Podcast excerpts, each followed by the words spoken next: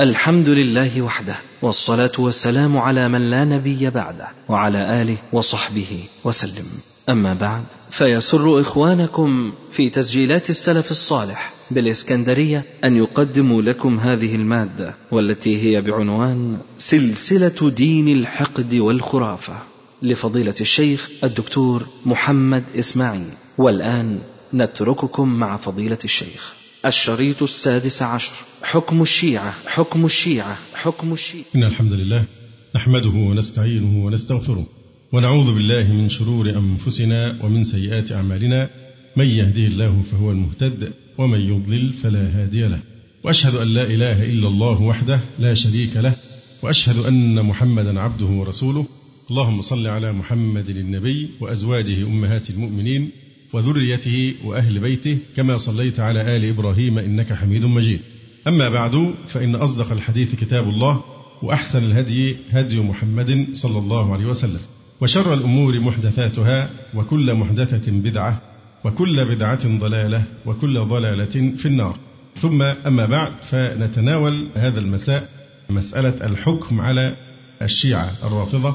ونذكر كلام بعض العلماء في الحكم عليهم بأنهم مبتدعة وليسوا بكفرة ثم بيان كلام الفريق الآخر الذي يرى تكفيرهم. يقول الإمام النووي رحمه الله تعالى إن المذهب الصحيح المختار الذي قاله الأكثرون والمحققون أن الخوارج لا يكفرون كسائر أهل البدع.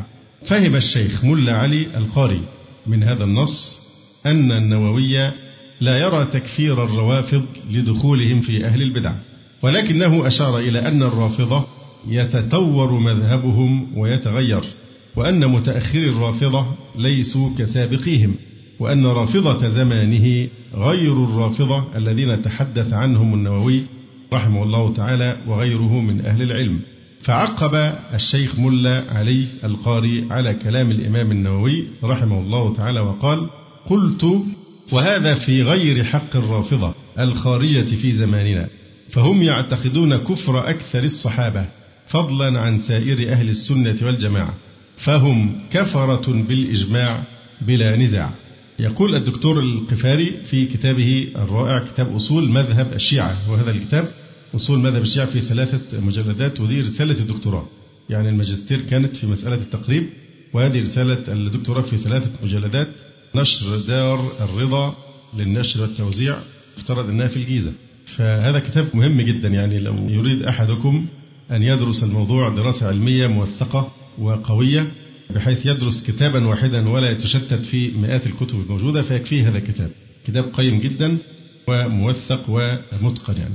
يقول إن الدليل على أن الإمامية في عصر النووي لا يكفرون الصحابة أو أن الإمام رحمه الله تعالى لم يعرف ذلك عنهم وهذا الأقرب.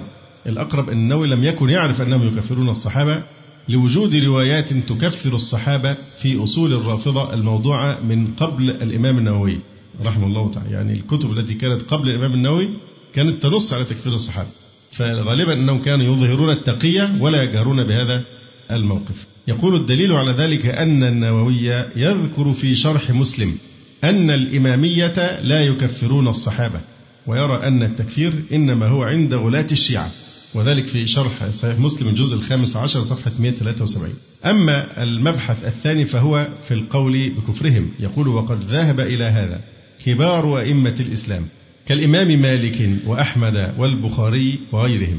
وفيما يلي نصوص فتاوى أئمة الإسلام وعلمائه في الروافض المسمين بالاثني عشرية والجعفرية. وفي مقالاتهم التي اشتهروا بها وثبتت في مدوناتهم الأساسية.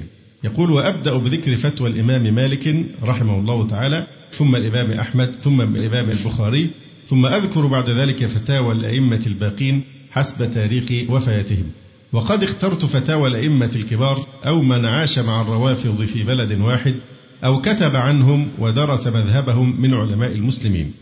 روى الخلال عن أبي بكر المروذي قال سمعت أبا عبد الله يقول قال الإمام مالك يبقى أبو عبد الله هو الإمام أحمد. قال الإمام مالك الذي يشتم أصحاب النبي صلى الله عليه وسلم ليس لهم نصيب في الإسلام. هذا ما قاله الإمام مالك رحمه الله تعالى. فيعني هذا كلام الإمام مالك في من يشتم فقط يشتم الصحابة رضي الله تعالى عنهم. فما بالك بمن يرى لعنهم دينا وشرعة ويصرحون بتكفيرهم إلا ما لا يتجاوز أصابع اليد. وقال الحافظ ابن كثير عند قول الله سبحانه وتعالى محمد رسول الله والذين معه أشداء على الكفار رحماء بينهم تراهم ركعا سجدا يبتغون فضلا من الله ورضوانا سيماهم في وجوههم من أثر السجود. ذلك مثلهم في التوراة. ومثلهم في الإنجيل كزرع أخرج شطأه فآزره فاستغلظ فاستوى على سوقه يعجب الزراع ليغيظ بهم الكفار. قال أي ابن كثير ومن هذه الآية انتزع الإمام مالك رحمة الله عليه في رواية عنه بتكفير الروافض الذين يبغضون الصحابة رضي الله عنهم. قال لأنهم يغيظونهم ومن غاض الصحابة رضي الله عنهم فهو كافر لهذه الآية. ووافقه طائفة من العلماء رضي الله تعالى عنهم على ذلك. يقول القرطبي رحمه الله تعالى لقد أحسن مالك في مقالته وأصاب في تأويله فمن نقص واحدا منهم أو طعن عليه في روايته فقد رد على الله رب العالمين وأبطل شرائع المسلمين. ويعني ذكرنا من قبل أن علماء الشيعة يقولون أن روايات الصحابة كأبي هريرة وعمرو بن العاص وسمرة بن جندب لا تساوي عندهم جناح بعوضة. هو ناقش بعض العلماء فيما انتزعه الإمام مالك من هذه الآية الكريمة. يعني ليس محل اتفاق أن هذه الآية تدل على تكفيره لكن ممكن يأتي تكفيرهم من إيه؟ بأدلة أخرى. لكن مسألة في انتزاع هذا المعنى ويمكن لو تذكرون القاسمي كان قال إيه في هذا الموضع؟ علق على قول الإمام مالك قال إيه؟ درسناه في محاسن التأويل وتوقفنا عندها. أحسنت.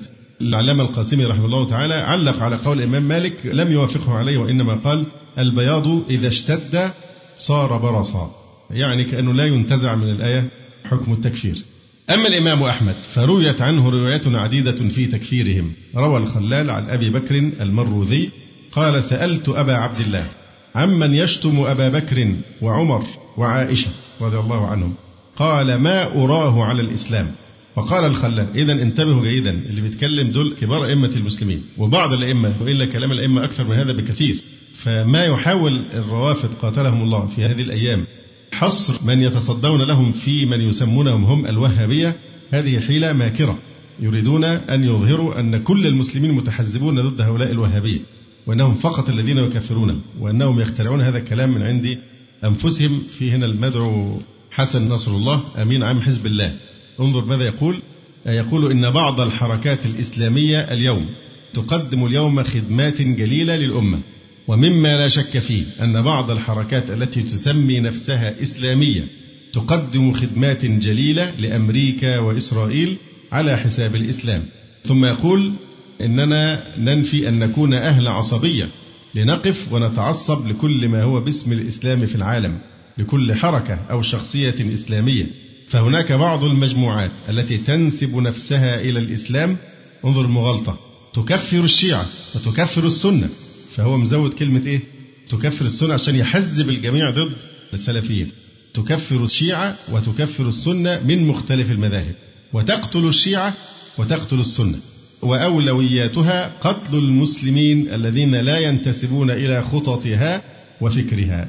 وقال أيضا إنني أتحدث بالتحديد عن الحركات الوهابية التي لا تقوم ولا تعمل أي عمل لتحرير القدس ده ضحك على الشباب طبعا إن القدس وفلسطين والموت لأمريكا ومثل هذا الكلام ذكرنا من قبل لا ينبغي أن ننخدع بمثل هذا.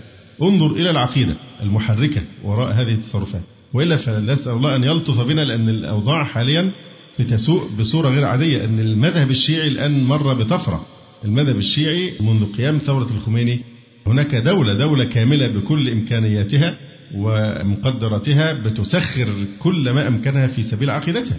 وفي سبيل تصدير هذه الثورة وبدأنا الآن نرى حصاد هذا النشاط يعني منح دراسية مجانية في إيران من كل بقاع العالم في أوروبا وأمريكا وأفريقيا يذهبون فطبعا يتعلمون الدين الشيعة ثم يبثونه في الآفاق وبعدين الآن عندنا في مصر إحنا مشكلة كبيرة جدا إن إحنا عندنا قابلية للتشيع بسبب الصوفية لأن الشيعة لن يجدوا مطية أسهل من الصوفية يركبوها كي تدخله إلى مصر.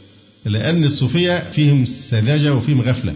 الصوفية فاهمين إن الموضوع إن الشيعة إيه؟ دول الناس بيحبوا أهل البيت. دي أكبر خصائصهم إنهم متخصصين في حب أهل البيت. بس دي قضية بالنسبة لهم. مش فاهمين حاجة خالص. الصوفية الشيعة بيخدعوهم من خلال الجمعيات المعروفة جمعية آل البيت وجرائدهم ونحو ذلك. فبيحصل أن الصوفية بيمهدون الطريق للشيعة دون أن يعرفوا المهم بيقول هنا أنني أتحدث بالتحديد عن الحركات الوهابية ولقينا الحركة للأسف الطريقة العزمية عاملة اجتماع كبير مؤتمر وحشد فيه بقى ناس كتير وبدأت تطالب بإيه؟ الطرق الصوفية بقى بتطالب حاليا أن البقاع المقدسة في مكة والمدينة في الحرمين لا ينبغي أن يستأثر بإدارتها أناس ينتمون لمذهب معين يعني زي نوع من التدويل بيطالبون نوع من التدويل. أنا مرة كنت راكب أتوبيس يعني فلقيت زي منشور ملصق على الزجاج مكتوب فيه كلام بهذا المعنى أن ينبغي أن تدول مكة والمدينة وتصبح تديرها كل بلاد العالم الإسلامي. يعني يقصدون أن لا ينبغي أن أتباع مذهب معين يقصدون الوهابية هم الذين يتحكمون في الحرمين الشريفين. وطبعا هتكون مصيبة وكارثة لو تمكن الرافضة من الحرمين الشريفين لأن هم بعد رمضان الماضي مباشرة بدأوا يعقدون اجتماعات عند البقيع اجتماعات دورية ثابتة في ميعاد ثابت. ثم بدأوا يطالبون بفتح اكتتاب عالمي لإعادة بناء قباب الأئمة في البقيع. عايزين يعيدوا تاني بناء القباب والأضرحة والأشياء التي هدمها الوهابيون لما أقاموا دولتهم. فطبعا انتهى الأمر بأنه لما وصل لمرحلة صدام السلطات السعودية ألغت هذه الاجتماعات. إنها تتطرق لهذا الأمر. لكن يبدو أن الأيام القادمة تحمل لنا مزيدا من المآسي. وسوف يكون أهل السنة يعني لقمة سائغة للروافض إن لم يتسلحوا بالوعي. الوعي هو أقوى سد يوقف أطماع الشيعة عند حده. فانظر إلى التلاعب هنا. يقول إنني أتحدث بالتحديد عن الحركات الوهابية التي لا تقوم ولا تعمل أي عمل لتحرير القدس بل تسعى من أجل التطبيع مع العدو وتفتن أمتها لمصلحة الولايات المتحدة. هنا نقول للباحثين لا نقبل أن تحسبوا الحركة الوهابية على الإسلام وعلى الصحوة الإسلامية. فدي من الطرق الخبيثة أنه بيظهروا أن الوهابية بس هم دول المتطرفين ودول اللي بيكفروهم إلى آخره. أما ما عدا ذلك من المسلمين فلا الوهابية بيقتلوا الشيعة ويقتلوا السنة ويكفروا الشيعة كفروا السنة. فطبعا دي من المغالطات التي ينبغي أن نستيقظ لها. قبل أن نعود تاني للكتاب أمامي أيضا تصريح لآية الله العظمى مجتبى الشيرازي وهو من شيوخهم المعاصرين. يحكم بكفر أبي بكر وعثمان وعائشة وحفصة في كلمة له أمام جمع من الحاضرين وهذا كان يعتبر أكبر مرجع للشيعة ولا زال حيا. يقول بالضبط دي كلامه. بيقول إن التقية ذهبت من الكرة الأرضية. كنا قبل كده بنقول إن هم هيوصلوا لمستوى مش هيحتاجوا بقى للتقية. فهو بيقول إن إحنا وصلنا لهذا الزمان مش محتاجين تقية إحنا عندنا دولة وبنعمل سلاح نووي وسوف نذلكم أيها المسلمون. فبيقول بقى إن التقية ذهبت من الكرة الأرضية فلم يعد هناك من خوف. خلونا نجهر بالحقيقة. خلوهم يبينون بكل صراحة أن أبا بكر وعمر لم يؤمنا بالله تعالى طرفة عين. خلوهم يبينون بكل صراحة أن عائشة خارجية والخارجية كافرة. خلوهم يبينون أن عائشة وحفصة نفذتا بتخطيط من أبي بكر وعمر قتل رسول الله صلى الله عليه وسلم. لأنهم يعتقدون أن حصل مؤامرة بين عائشة وحفصة وأبو بكر وعمر أنه لما الرسول صلى الله عليه وسلم أخبر عائشة أن الذي سوف يلي الخلافة من بعده أبا بكر ثم يليه عمر فذهبت حفصة وعائشة بتخطيط مع أبي بكر وعمر عملوا خطة لدس السم للنبي عليه الصلاة والسلام في الطعام فهم قتلوه. فخلوهم يبينون أن عائشة وحفصة نفذتا بتخطيط من أبي بكر وعمر قتل رسول الله صلى الله عليه وسلم. وخلوهم يبينون أن عثمان يقول هو هنا قاتله الله يقول لعنة الله عليه استغفر الله. من بني أمية وهم الشجرة الملعونة في القرآن. لماذا نعيش في خوف وهمي فلا نتحرك؟ القول بالحق واجب. انتهى كلام هذا الخبيث المجرم مجتبى الشيرازي.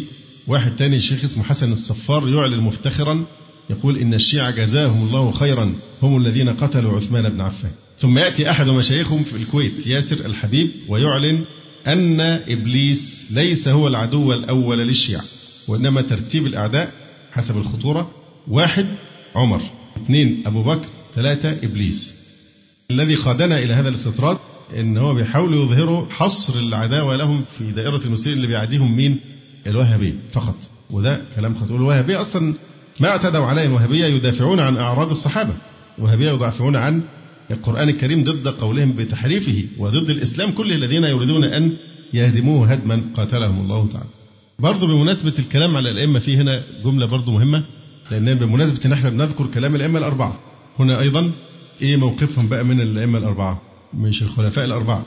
يعني الحقيقة أن كلام بشع هو أنا أتمنى وأتوق إلى اليوم الذي ننهي فيه هذه الدراسات لأن الإنسان قلبه بيمرض من هذا الكلام. يعني النهارده كنت بحاول ألخص لكم كتاب في الدفاع عن عائشة رضي الله عنها وتبرئتها من كلام الشيعة. ما أطقت يعني ما تحملت. من شناعة الكلام القذر الذي يقولونه. شيء صعب جدا. السفاهة وسوء الخلق وبذاءة اللسان والقذف وهذه الأشياء شيء أحيانا لا يستطيع الإنسان أن ينطق به. لكن نموذج هو من كلام نقمة الله مسمى نعمة الله الجزائري يقول في كتابه الأنوار النعمانية استغفر الله إن أم الشافعي لما غاب عنها زوجها عاد إليها بعد أربع سنين فوجدها حاملا بالشافعي. ويقول أبو موسى في الكافي لعن الله أبا حنيفة. كان يقول قال علي وقلت.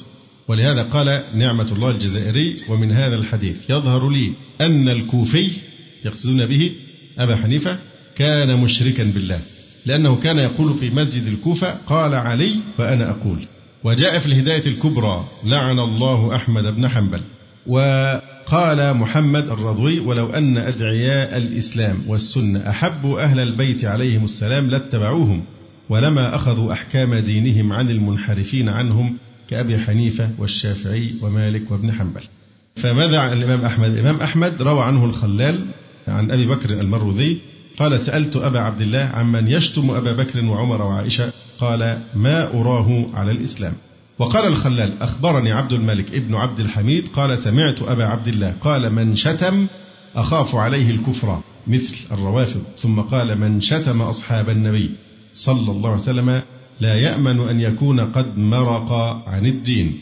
وقال أخبرني عبد الله بن أحمد بن حنبل قال سألت أبي عن رجل شتم رجلا من أصحاب النبي صلى الله عليه وسلم فقال ما أراه على الإسلام. وجاء في كتاب السنة للإمام أحمد قوله عن الرافضة هم الذين يتبرؤون من أصحاب محمد صلى الله عليه وسلم ويسبونهم وينتقصون ويكفرون الأئمة إلا أربعة علي وعمار والمقداد وسلمان وليست الرافضة من الإسلام في شيء. هذا كلام الإمام أحمد. والاثنى عشرية تكفر الصحابة إلا قليلا لا يتجاوز عدد أصابع اليد وتلعنهم في دعواتها وزيارتها ومشاهدها وأمهات كتبها. وتكفر أتباعهم إلى يوم الدين. قال ابن عبد القوي وكان الإمام أحمد يكفر من تبرأ منهم. يعني من تبرأ من الصحابة فيكفر الإمام أحمد. ومن سب عائشة أم المؤمنين رضي الله عنها ورماها مما برأها الله منه. وكان يقرأ يعظكم الله أن تعودوا لمثله أبدا إن كنتم مؤمنين. تعودوا لمثله أبدا للأبد. تنزه عائشة وتبرأ ولذلك العلماء يقولون إن من قذف عائشة فهو كافر قطعا لأنه يكذب بالقرآن الكريم الذي برأها رضي الله تعالى عنها. ولكن ذكر شيخ الإسلام ابن تيمية في مجموع الفتاوى أن في تكفير الروافض نزاعا عن أحمد وغيره. وما مضى من نصوص عن الإمام أحمد صريحة في قوله بتكفيرهم. وقد نبه شيخ الإسلام ابن تيمية إلى وجه من لم يكفر الروافض في سبهم للصحابة. وبه يزول التعارض المتوهم في نصوص أحمد.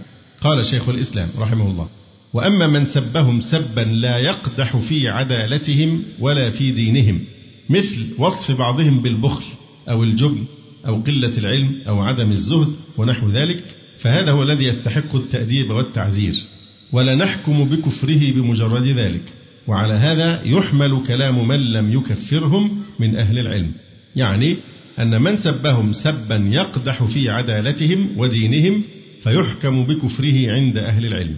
فكيف الحال إذا بمن يحكم بردتهم؟ رضي الله تعالى عنهم. أما الإمام البخاري رحمه الله تعالى فقد قال ما أبالي صليت خلف الجهمي والرافضي أم صليت خلف اليهود والنصارى. ده كلام الإمام البخاري رحمه الله تعالى. ما أبالي صليت خلف الجهمي والرافضي أم صليت خلف اليهود والنصارى؟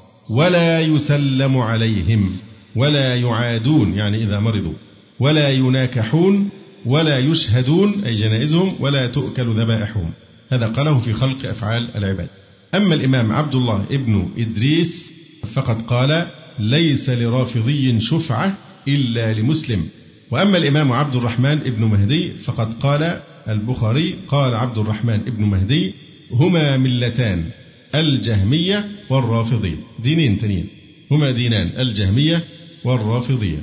أما الإمام الفريابي رحمه الله تعالى فقد روى الخلال قال أخبرني حرب بن إسماعيل الكرماني قال حدثنا موسى بن هارون بن زياد قال سمعت الفريابي ورجل يسأله عمن شتم أبا بكر؟ قال كافر. قال فيصلى عليه؟ قال لا. وسألته كيف يصنع به وهو يقول لا إله إلا الله. قال لا تمسوه بأيديكم. ارفعوه بالخشب حتى توروه في حفرته. يعني لا يعامل بعد موته معاملة المسلم. أما الإمام أحمد ابن يونس وهو إمام من أئمة السنة وهو من علماء أهل الكوفة التي هي منبت الرفض. فمن ثم هو أخبر وأعرف بالروافض ومذاهبهم. وفيه قال الإمام أحمد بن حنبل لرجل اخرج إلى أحمد بن يونس فإنه شيخ الإسلام. وذكر ابن حجر أن ابن يونس قال أتيت حماد بن زيد فسألته أن يملي علي شيئا من فضائل عثمان رضي الله عنه فقال من أين أنت؟ قلت من أهل الكوفة. قال كوفي يطلب فضائل عثمان؟ والله لا أمليتها عليك إلا وأنا قائم وأنت جالس. فالإمام أحمد بن يونس لما أتى حماد بن زيد سأله أن يملي عليه حديث في فضائل عثمان رضي الله تعالى عنه. فقال ممن أنت؟ قال أنا من أهل الكوفة. فأعجب به جدا. كيف من أهل الكوفة اللي هي منبع التشيع والرفض الذين يكفرون الصحابة ويكفرون عثمان ثم يأتي ويطلب أحاديث إيه؟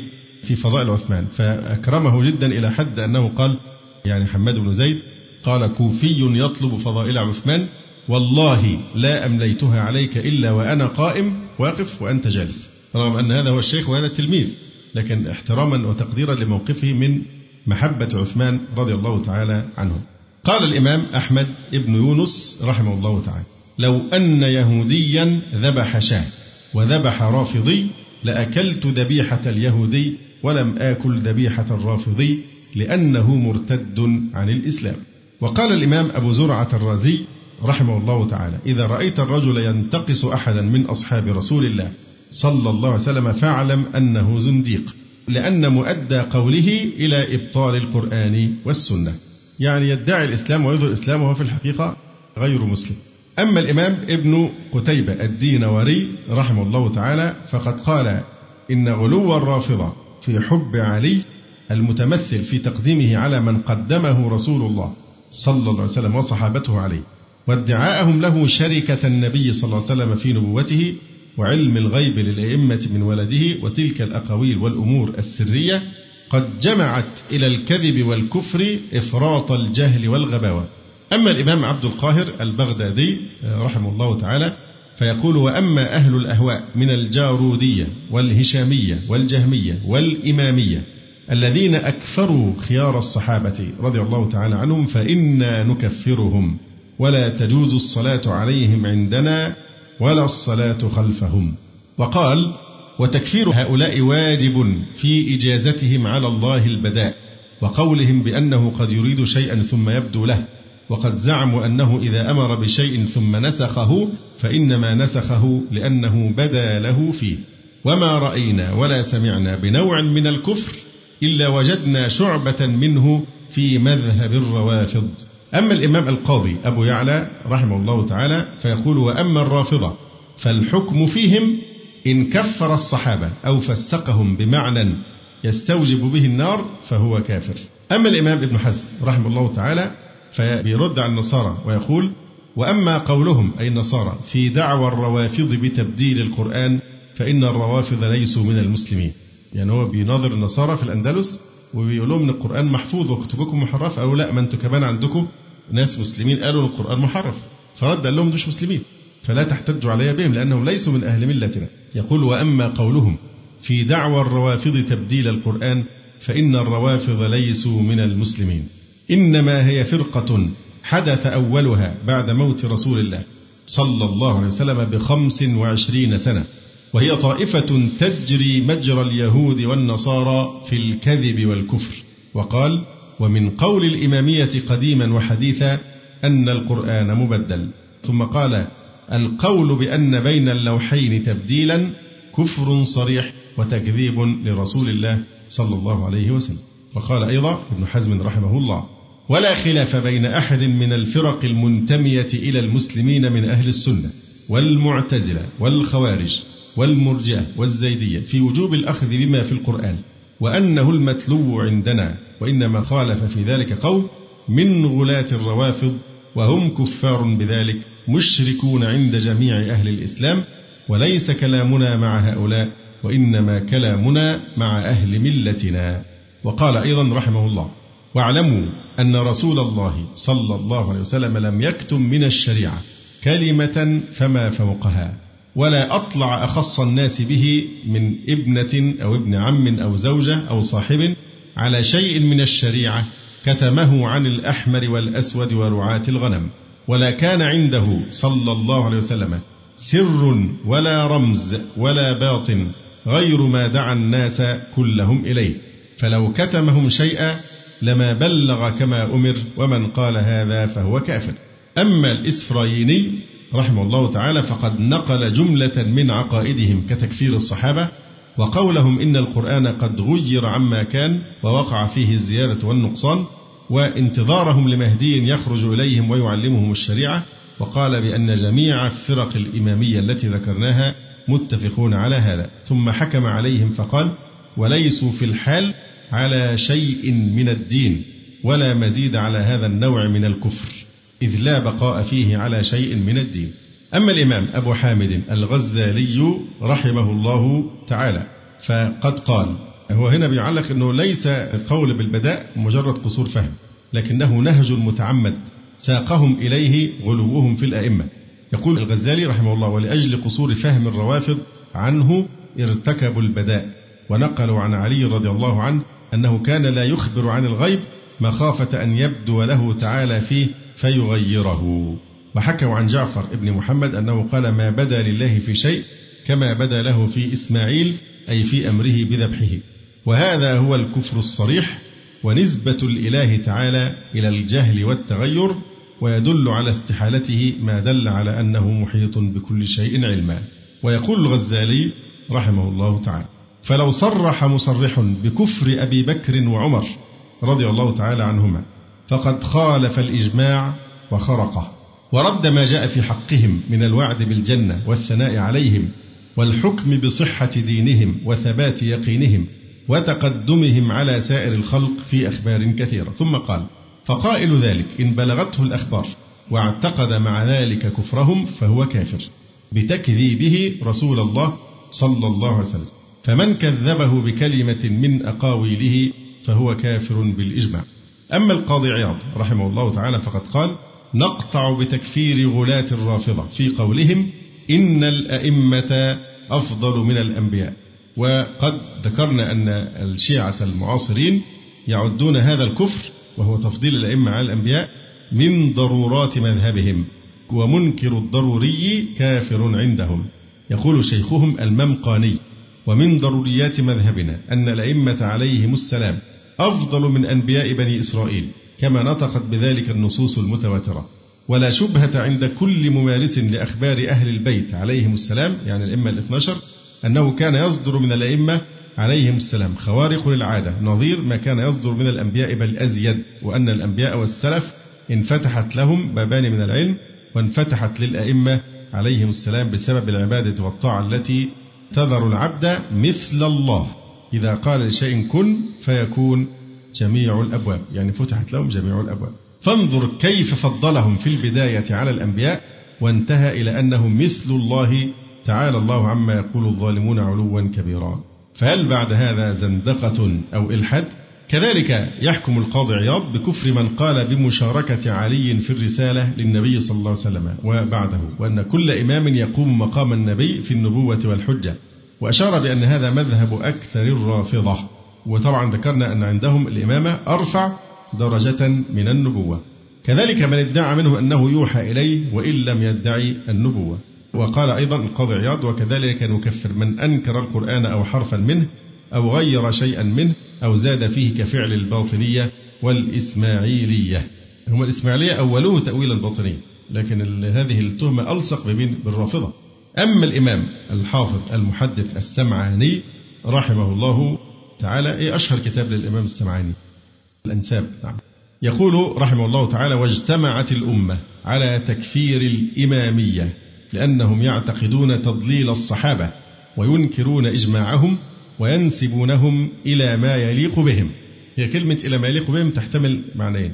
إن قصد بها إلى ما يليق بهم يعني إلى ما يليق بالروافض من الإيه؟ الضلال والانحراف والظلم. لكن كان يقصد وينسبونهم إلى ما يليق بهم يعني كان يقصد الصحابة يبقى لازم إيه في هنا تصحيف يبقى في لا. وينسبونهم أي الصحابة إلى ما لا يليق بهم. وينسبونها إلى ما يليق بهم إن كانت في الرافضة فإيه ما يليق بهم وبأمثالهم من المنحرفين. أما الفخر الرازي فإنه يذكر أن أصحابه من الأشاعرة يكفرون الروافض من ثلاثة وجوه. أولها أنهم كفروا سادات المسلمين. وكل من كفر مسلما فهو كافر. لقوله عليه السلام من قال لأخيه يا كافر؟ فقد باء بها أحدهما. فإذا يجب تكفيرهم. وثانيا أنهم كفروا قوما نص الرسول صلى الله عليه وسلم بالثناء عليهم وتعظيم شأنهم فيكون تكفيرهم تكذيبا للرسول صلى الله عليه وسلم. وثالثها إجماع الأمة على تكفير من كفر سادات الصحابة رضي الله عنهم أجمعين. أما رجل كل العصور شيخ الإسلام ابن تيمية رحمه الله تعالى فقد قال من زعم أن القرآن نقص منه آيات وكتمت أو زعم أن له تأويلات باطنة تسقط الأعمال المشروعة فلا خلاف في كفرهم. ومن زعم أن الصحابة ارتدوا بعد رسول الله صلى الله عليه وسلم إلا نفرا قليلا لا يبلغون بضعة عشر نفسا أو أنهم فسقوا عامتهم فهذا لا ريب أيضا في كفره لأنه مكذب لما نصه القرآن في غير موضع من الرضا عنهم والثناء عليهم رضي الله تعالى عنهم أجمعين. بل من يشكك في كفر مثل هذا فإن كفره متعين. من يشكك في كفر مثل هذا فإن كفره متعين. فإن مضمون هذه المقالة أن نقلة الكتاب والسنة كفار أو فساق وأن هذه الآية التي هي كنتم خير أمة أخرجت للناس وخيرها هو القرن الأول. كان عمتهم كفارا أو فساقا ومضمونها أن هذه الأمة شر الأمم وأن سابقي هذه الأمة هم شرارها وكفر هذا مما يعلم بالاضطرار من دين الإسلام. وقال شيخ الإسلام إنهم شر من عامة أهل الأهواء وأحق بالقتال من الخوارج وأنهم كفروا مما جاء به الرسول صلى الله عليه وسلم بما لا يحصيه إلا الله. فتارة يكذبون بالنصوص الثابتة عنه وتارة يكذبون بمعاني التنزيل. فإن الله قد ذكر في كتابه من الثناء على الصحابة والرضوان عليهم والاستغفار لهم ما هم كافرون بحقيقته. وذكر في كتابه من الأمر بالجمعة والأمر بالجهاد وبطاعة أولي الأمر ما هم خارجون عنه. وذكر في كتابه من موالاة المؤمنين وموادتهم والإصلاح بينهم ما هم عنه خارجون. وذكر في كتابه من النهي عن موالاة الكفار ومودتهم ما هم خارجون عنه. وذكر في كتابه من تحريم دماء المسلمين وأموالهم وأعراضهم وتحريم الغيبة والهمز واللمز ما هم أعظم الناس استحلالا له. وذكر في كتابه من الأمر بالجماعة والائتلاف والنهي عن الفرقة والاختلاف ما هم أبعد الناس منه. وذكر في كتابه من طاعة رسول الله صلى الله عليه وسلم ومحبته واتباع حكمه ما هم خارجون عنه وذكر في كتابه من حقوق أزواجه ما هم براء منه ويشتمون يعني أمهات المؤمنين شتما رهيبا يعني يسمونهم السراري والحشايا ويسمون عائشة عسكر سيدة عائشة رضي الله عنها يلقبونها بلقب عسكر. وذكر في كتابه من توحيده وإخلاص الملك له وعبادته وحده لا شريك له ما هم خارجون عنه فإنهم مشركون لأنهم أشد الناس تعظيما للمقابر التي اتخذت أوثانا من دون الله.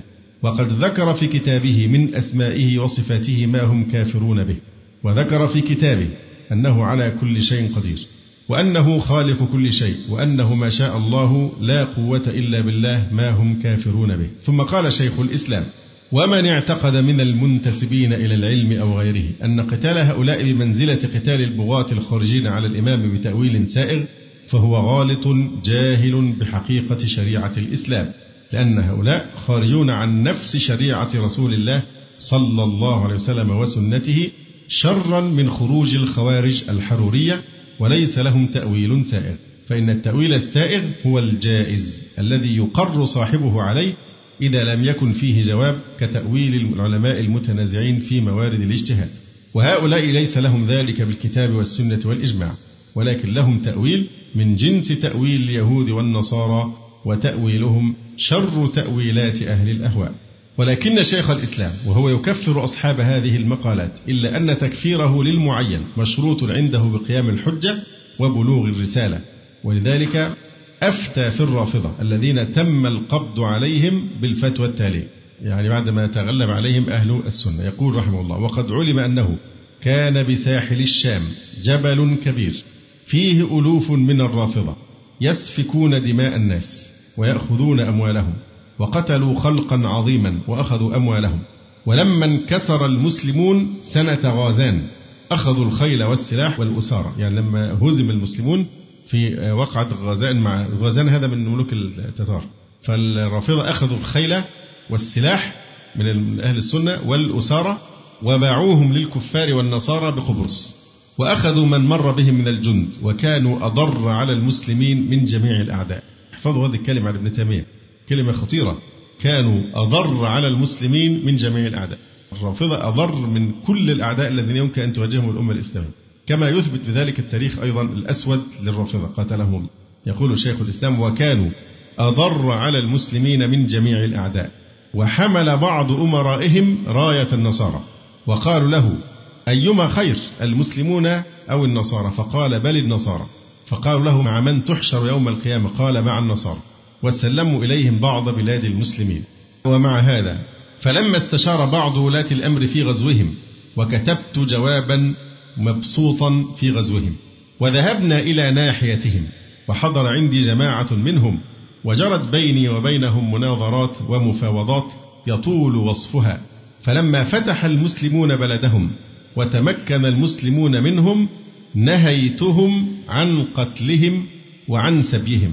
هو هنا سماها السنة غازان السنة التي قاتلهم فيها غازان وهو من ملوك التتار. يقول فلما فتح المسلمون بلدهم وتمكن المسلمون منهم نهيتهم عن قتلهم وعن سبيهم. وأنزلناهم في بلاد المسلمين متفرقين لئلا يجتمعوا. هذه الفتوى. من إمام أهل السنة في وقته تبين أن أهل السنة يتبعون الحق من ربهم الذي جاء به الرسول صلى الله عليه وسلم. ولا يكفرون كل من خالفهم فيه بل هم أعلم بالحق وأرحم بالخلق بخلاف أهل الأهواء الذين يبتدعون رأيا ويكفرون من خالفهم فيه. أما الإمام الحافظ ابن كثير رحمه الله تعالى فإنه ساق بعض الأحاديث الثابتة في السنة والمتضمنة نفي دعوى النص والوصية التي تدعيها الرافضة لعلي رضي الله عنه. ثم عقب عليها بقوله ولو كان الأمر كما زعموا يعني من أن الرسول عليه السلام نص على لما رد ذلك أحد من الصحابة فإنهم كانوا أطوع لله ورسوله صلى الله عليه وسلم في حياته وبعد وفاته. من أن يفتاتوا عليه فيقدموا غير من قدمه ويؤخروا من قدمه بنصه حاشا وكلا. ومن ظن بالصحابة رضوان الله عليهم ذلك فقد نسبهم بأجمعهم إلى الفجور والتواطؤ على معاندة الرسول صلى الله عليه وسلم ومضادتهم في حكمه ونصه. ومن وصل من الناس إلى هذا المقام فقد خلع ربقة الإسلام وكفر بإجماع الأئمة الأعلام وكان إراقة دمه أحل من إراقة المدام. المدام اللي هي الخمر. ومن الثابت عن الرافضة كما مر أنها تدعي أن الرسول صلى الله عليه وسلم نص على علي وأن الصحابة ردوا النص وارتدوا بسبب ذلك وهذا ما يقوله المعاصرون وأسلافهم من الروافض. أما الإمام أبو حامد محمد المقدسي رحمه الله تعالى فبعدما تكلم عن فرق الشيعة وعقائدهم قال لا يخفى على كل ذي بصيرة وفهم من المسلمين أن أكثر ما قدمناه في الباب قبله من عقائد هذه الطائفة الرافضة على اختلاف أصنافها كفر صريح مع جهل قبيح لا يتوقف الواقف عليه من تكفيرهم والحكم عليهم بالمروق من دين الإسلام. أما الإمام أبو المحاسن يوسف الواسطي فقد ذكر جملة من مكفراتهم فمنها قوله إنهم يكفرون بتكفيرهم لصحابة رسول الله صلى الله عليه وسلم. الثابت تعديلهم وتزكيتهم في القرآن بقوله تعالى لتكونوا شهداء على الناس وبشهادة الله تعالى لهم أنهم لا يكفرون. بقوله تعالى فإن يكفر بها هؤلاء فقد وكلنا بها قوما ليسوا بها بكافرين. رضي الله تعالى عنهم. ويكفرون باستغنائهم عن حج بيت الله الحرام بزيارة قبر الحسين لزعمهم أنها تغفر الذنوب وتسبيتهم لها بالحج الأكبر. ومن ذلك أنهم يكفرون بترك جهاد الكفار والغزو لهم الذي يزعمون أنه لا يجوز إلا مع الإمام المعصوم وهو غائب. وأنهم يكفرون بإعابتهم السنن المتواتر فعلها عن النبي صلى الله عليه وسلم من الجماعة والضحى والوتر والرواتب قبل المكتوبات من الصلوات الخمس وبعدها وغير ذلك من السنن المؤكدات. أما الإمام علي ابن سلطان ابن محمد القاري فقال وأما من سب أحدا من الصحابة فهو فاسق ومبتدع بالإجماع إلا إذا اعتقد أنه مباح إذا استحل السب. إذا اعتقد أنه مباح كما عليه بعض الشيعة وأصحابهم وأصحابهم أو يترتب عليه ثواب إن اللي يسب الصحابة يأخذ ثواب كما هو دأب كلامهم أو اعتقد كفر الصحابة وأهل السنة فإنه كافر بالإجماع. ثم ساق مجموعة من الأدلة من الكتاب والسنة تتضمن الثناء على الصحابة رضي الله عنهم واستنبط منها كفر الرافضة في مذهبها مع الصحابة. ثم ذكر بأن من مكفرات الرافضة ما يدعونه في كتاب الله من نقص وتغيير وعرض بعض أقوالهم في ذلك. أما شيخ الإسلام مجدد الإسلام في القرن الثاني عشر الهجري الإمام محمد ابن عبد الوهاب رحمه الله تعالى فقد حكم على جملة من عقائدهم بأنها كفر. من ذلك أنه قال فإذا عرفت أن آيات القرآن تكاثرت في فضلهم والأحاديث المتواترة بمجموعها ناصة على كمالهم فمن اعتقد فسقهم أو فسق مجموعهم وارتدادهم وارتداد معظمهم عن الدين أو اعتقد حقية سبهم وإباحته أو سبهم مع اعتقاد حقية سبهم أو حليته فقد كفر بالله تعالى ورسوله صلى الله عليه وسلم. والجهل بالتواتر القاطع ليس بعذر وتأويله وصرفه من غير دليل معتبر غير مفيد. كمن أنكر فرضية الصلوات الخمس جهلا لفرضيتها فإنه بهذا الجهل يصير كافرا. وكذا لو أولها على غير المعنى الذي نعرفه فقد كفر لأن العلم الحاصل من نصوص القرآن والأحاديث الدالة على فضلهم قطعي. ومن خص بعضهم بالسب فإن كان ممن تواتر النقل في فضله وكماله كالخلفاء فإن اعتقد حقية سبه أو إباحته فقد كفر لتكذيبه ما ثبت قطعيا عن رسول الله صلى الله عليه وسلم ومكذبه كافر. وإن سبه من غير اعتقاد حقية سبه أو إباحته فقد فسق لأن سباب المسلم فسوق. وقد حكم بعض في من سب الشيخين بالكفر مطلقا. وإن كان ممن لم يتواتر النقل في فضله وكماله فالظاهر أن سابه فاسق إلا أن يسبه من حيث صحبته لرسول الله صلى الله عليه وسلم فإن ذلك كفر. وغالب هؤلاء الرافضة الذين يسبون الصحابة يعتقدون حقية سبهم أو إباحته بل وجوبه لأنهم يتقربون بذلك إلى الله تعالى ويرون ذلك من أجل أمور دينهم. ثم قال رحمه الله وما صح عن العلماء من أنه لا يكفر أهل القبلة فمحمول على من لم تكن بدعته مكفرة. ولا شك أن تكذيب رسول الله صلى الله عليه وسلم فيما ثبت عنه قطعا كفر والجهل في مثل ذلك ليس بعذر. ولا شك هم تجاوزوا السب إلى التكفير بل قالوا إن من اعتقد في أبي بكر وعمر الإسلام فلا ينظر الله إليه ولا يكلمه وله عذاب أليم. فشناعتهم في أمر الصحابة تزيد وتغلو على مر الأيام حتى وصلت إلى الغلو الذي ليس بعده غلو في هذا الزمان.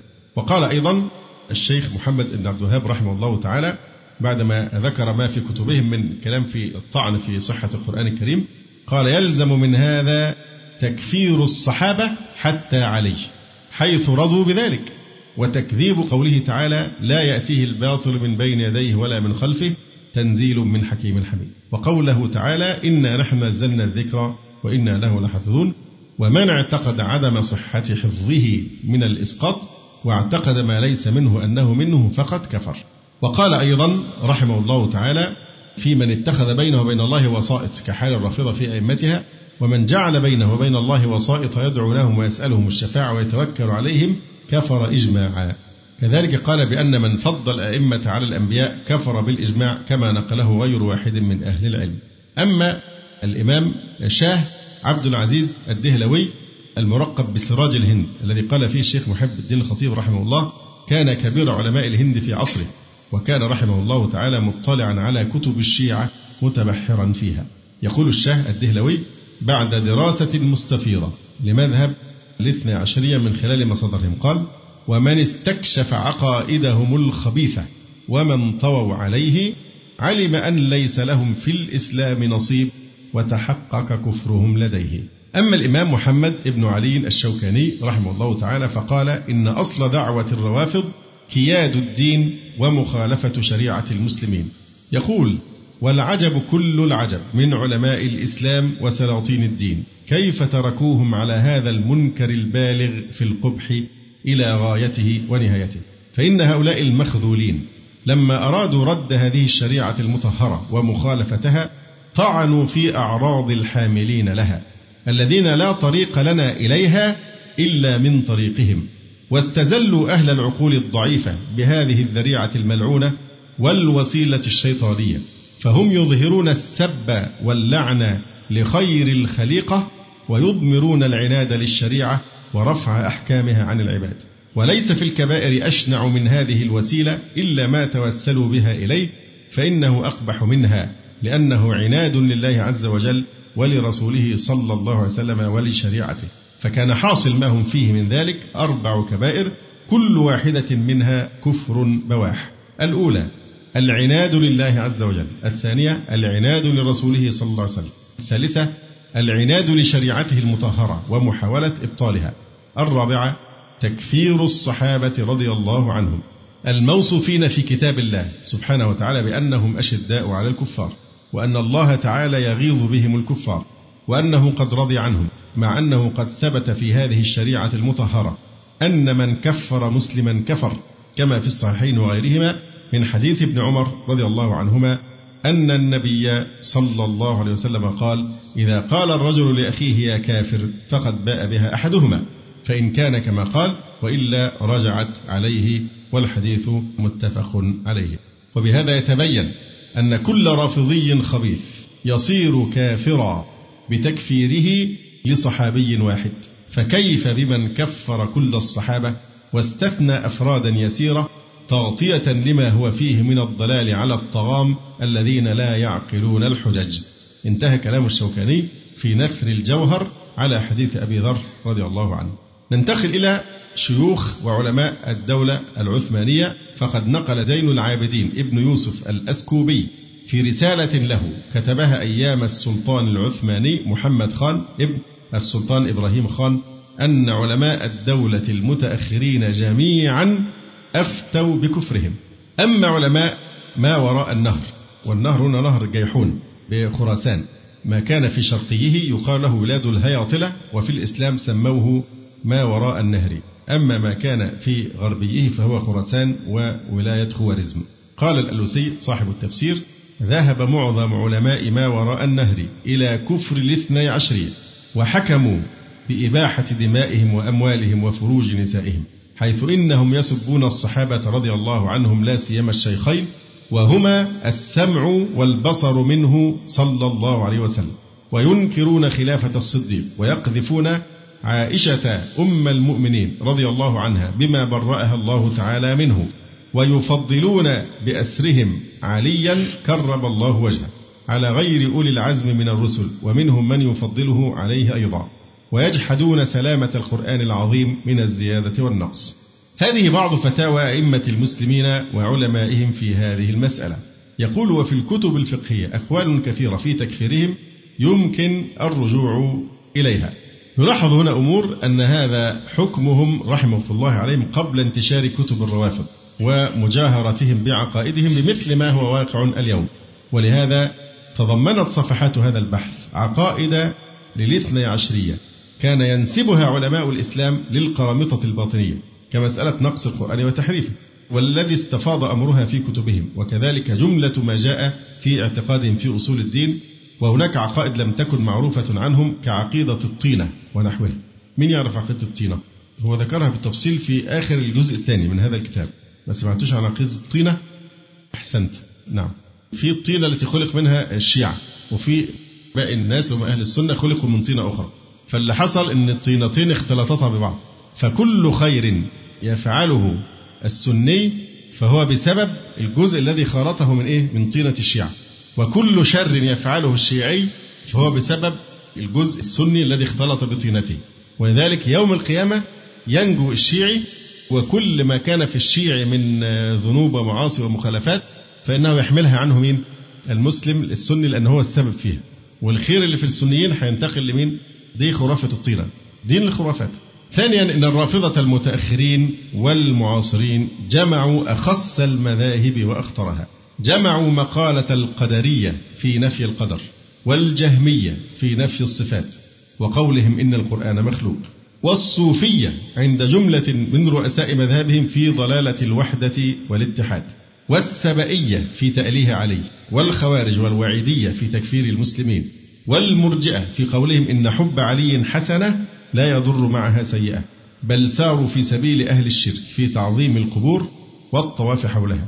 بل يصلون إليها مستدبرين القبلة. إلى غير ذلك مما هو عين مذهب المشركين. فهل يبقى بعد ذلك شك في أن هذه الطائفة ارتضت لنفسها مذهبا غير مذهب المسلمين؟ فهم وإن شهدوا الشهادتين إلا أنهم نقضوها بنواقض كثيرة كما ترى. لكن مما يجب مراعاته حسب منهج أهل السنة في التكفير أن هذه الأقوال التي يقولونها وهذا من كلام شيخ الإسلام والتي يعلم أنها مخالفة لما جاء به الرسول صلى الله عليه وسلم هي كفر. وكذلك أفعالهم التي هي من جنس أفعال الكفار بالمسلمين هي أيضا كفر. لكن تكفير الواحد المعين من أهل القبلة والحكم بتخليده في النار موقوف على ثبوت شروط التكفير وانتفاء موانعه. فإن نطلق القول بنصوص الوعد والوعيد والتكفير والتفسيق ولا يحكم للمعين بدخوله في ذلك العام حتى يقوم فيه المقتضي الذي لا معارض له. ولهذا لا يكفر العلماء من استحل شيئا من المحرمات لقرب عهده بالإسلام أو لنشأته ببادية بعيدة. فإن حكم الكفر لا يكون إلا بعد بلوغ الرسالة. ومن هؤلاء من لا يكون بلغته النصوص المخالفة لما يراه ولا يعلم أن الرسول صلى الله عليه وسلم بعث بذلك فيطلق أن هذا القول كفر. يعني فيطلق أن هذا القول كفر ويكفر من قامت عليه الحجة التي يكفر تاركها دون غيره. وتعرفون هذه قاعدة من قواعد الحكم بالكفر في الشريعة. يعني في فرق بين كفر النوع وكفر العين. شيخ الإسلام يقول لابد من التفريق بين كفر النوع وكفر العين. يعني هو ممكن الكلام يكون له وجه مع عوام الشيعة. يعني واحد فتح عينيه بيتصور هو ده الإسلام. وإن كان أعتقد صعب جدا الفطرة تقبل مثل هذا الدين. فهذا الذي يعني يمكن أن يقال في شان مثل هذا لكن أئمتهم الكبار وآياتهم الضالة فأعتقد أن الأمر يعني هو الحقيقة هنا يعني الواحد بيتعب من كتر ما بيقرأ في نقل كلامهم. فما أدري هم مستحملين نفسهم إزاي. كل كفر ولعن وسب وحقد وتكذيب دي وثائق مصورة من كتبهم. دي أجوبة الاستفتاءات ودي الفتوى متصور من الكتاب مش في حد ناقل حاجة. كتاب اسمه أجوبة الاستفتاءات لسماحة ولي أمر المسلمين آية الله العظمى السيد علي الحسيني الخامنئي. ده مظله الوارث الجزء الأول العبادات. سين رقم 325 هناك فرقة تسمى علي اللي هي ويقولون إن عليا ليس إلها ولكنه ليس بأقل من الإله. فما حكم هؤلاء؟ تبقى فرقة اسمها علي اللي هي. يقولون إن عليا عليه السلام ليس إلها ولكنه ليس بأقل من الإله. فما حكم هؤلاء؟ الجواب إذا كانوا غير قائلين بشريك لله الواحد المنان المتعال فليس حكمهم كحكم المشرك. هل هو جواب السؤال؟ ليس هذا جواب السؤال. يعني معنى الكلام أن من قال إن عليا لا يقل عن الله سبحانه وتعالى فليس مشرك. يعني دي طبعا قلناها قبل كده اللي هي تحفة العوام مقبول اللي هو دعاء صنمي قريش وفيه إيه؟ اللعن أبي بكر وعمر وعائشة وحفصة رضي الله تعالى عنهم أجمعين. هنا كتاب الفيض القدسي لأحد أئمتهم أيضا بيقول هنا إيه بقى؟ بيقول مولانا حيدر علي بن المولى مرزا محمد الشيرواني كان فاضلا معظما وعالما مفخما كما علمناه من تعليقاته على المسالك وغيرها فإنها وإن كانت قليلة إلا أنها تدل على فضل محررها. وبالجملة إنه من أهل الفضل مع أنه كان من أهل الزهد والتقوى أيضا. ثم يقول وسمعت أستاذنا الفاضل الأعز والعالم الأكبر مولانا علي أصغر يحكي أنه كان يلعن جميع العلماء إلا السيد المرتضى ووالده العلامة. وقد تحقق منه. بقى دي من فضائل هذا الشخص اللي هو بيمدحه بقى. إيه الحاجات الجميلة اللي خلته إمام كبير قوي كده؟ وقد تحقق منه أنه كان يضيف أهل السنة إلى بيته ويصبر عليهم. عارفين راية وسكينة؟ فبيقول وقد تحقق منه أنه كان يضيف أهل السنة إلى بيته ويصبر عليهم إلى أن تحصل له الفرصة ويتمكن مما يريد فيأخذ المدية بيده المرتعشة لكونه ناهز في التسعين فيضعها في حلق أحدهم فيقتله بنهاية الزجر. يعني كان بيجيب أهل السنة يضيفهم في البيت ويأكلهم ويكرمهم ويجيب السكينة مع أنه راجل عجوز لكن كان حريصا على الاجتهاد في هذه العبادة قتل أهل السنة. ويحز إيه؟ رأسهم مع أن يده كانت مرتعشة لكبر سنه. والحيدرية المنسوبة إليه تلامذته بقى وأتباعه كانوا يصومون فيريدون أن يفطروا بالحلال فيمشون إلى ذكاكين أهل السنة أو بيوتهم فيسرقون شيئا ويفطرون به. في كلام لا يمكن أن يقرأ يعني إطلاقا في شناعته لا يمكن أن نستبيح نقرأه يعني. حق اليقين في معرفة أصول الدين. أيضا يقول هنا في هذه الفقرة يقول هي الحقيقة الصورة صعبة جدا قراءتها لأنها مشوشة مش واضحة. وقال الشيخ المفيد في كتاب المسائل اتفقت الإمامية على أن من أنكر إمامة أحد من الأئمة وجحد ما أوجبه الله تعالى له من فرض الطاعة فهو كافر ضال مستحق للخلود في النار. وقال في موضع آخر اتفقت الإمامية على أن أصحاب البدع كلهم كفار وعلى الإمام أن يستتبهم عند التمكن بعد الدعوة لهم وإقامة البينات عليهم إلى آخره. برضه في كتاب الفقه للشيرازي بيقول هنا وأما سائر أقسام الشيعة غير الاثني عشرية فقد دلت نصوص كثيرة على كفرهم ككثير من الأخبار المتقدمة الدالة على أن من جحد إماما كان كمن قال إن الله ثالث ثلاثة. ده كتاب بحار الأنوار للمجلسي وده متصور منه مباشرة يعني ما حدش بينقل عن حد حاجة. فبيقول هنا قال كنت معه عليه السلام أي علي بن الحسين في بعض خلواته فقلت إن لي عليك حقا. ألا تخبرني عن هذين الرجلين؟ عن أبي بكر وعمر. فقال كافران كافر من أحبهما. برضو تفسير العياشي يقول هنا فيه عن أبي جعفر عليه السلام قال كان الناس أهل ردة بعد النبي صلى الله عليه وسلم إلا ثلاثة. فقلت ومن الثلاثة؟ قال المقداد وأبو ذر وسلمان الفارسي. الحقيقة هنا في بعض الكتب كلام فيها كتير أوي أوي بس كله كله متعب. يعني يعني الإنسان قلبه ما يتحمل. أعتقد جرعة يعني تصل لحد تسميم القلب يعني. هنا ده كتاب الأنوار النعمانية لنقمة الله الجزائري. بيقول فيه بالحرف كده يقول ووجه آخر لهذا لا أعلم إلا أني رأيته في بعض الأخبار وحاصله أن لم نجتمع معهم. يعني ليه؟ بيشرح ليه بيكفرونا أهل السنة. فإيه السبب؟ بيقول حاصله أن لم نجتمع معهم على إله ولا على نبي ولا على إمام. وذلك أنهم يقولوا. طبعا اللحن اللغوي كتير جدا في كتبهم. وذلك أنهم يقولوا إن ربهم هو الذي كان محمد صلى الله عليه وسلم نبيه وخليفته بعده أبو بكر. ونحن لا نقول بهذا الرب ولا بذلك النبي بل نقول إن الرب الذي خليفة نبيه أبو بكر ليس ربنا ولا ذلك النبي نبينا. أيضا كتاب الأربعين في إمامة الأئمة الطاهرين. قمي يقول هنا دليل الأربعون ما ورد في مثالب أعداء أهل البيت عليهم السلام. مما يدل على إمامة أئمتنا الاثنى عشر أن عائشة كافرة مستحقة للنار وهو مستلزم لحقية مذهبنا وحقية أئمتنا الاثنى عشر. لأن كل من قال بخلافة الثلاثة اعتقد إيمانها وتعظيمها وتكريمها. وكل من قال بإمامة الاثنى عشر قال باستحقاقها اللعن والعذاب فإذا ثبت كونها كذلك ثبت المدعى لأنه لا قائل بالفصل. وأما الدليل على كونها مستحقة للعن والعذاب فإنها حاربت أمير المؤمنين عليه السلام. وقد تواتر عن النبي صلى الله عليه وسلم حربك حربي ولا ريب في أن حرب النبي صلى الله عليه وسلم كفر. على الأحوال اكتفي بهذا القدر.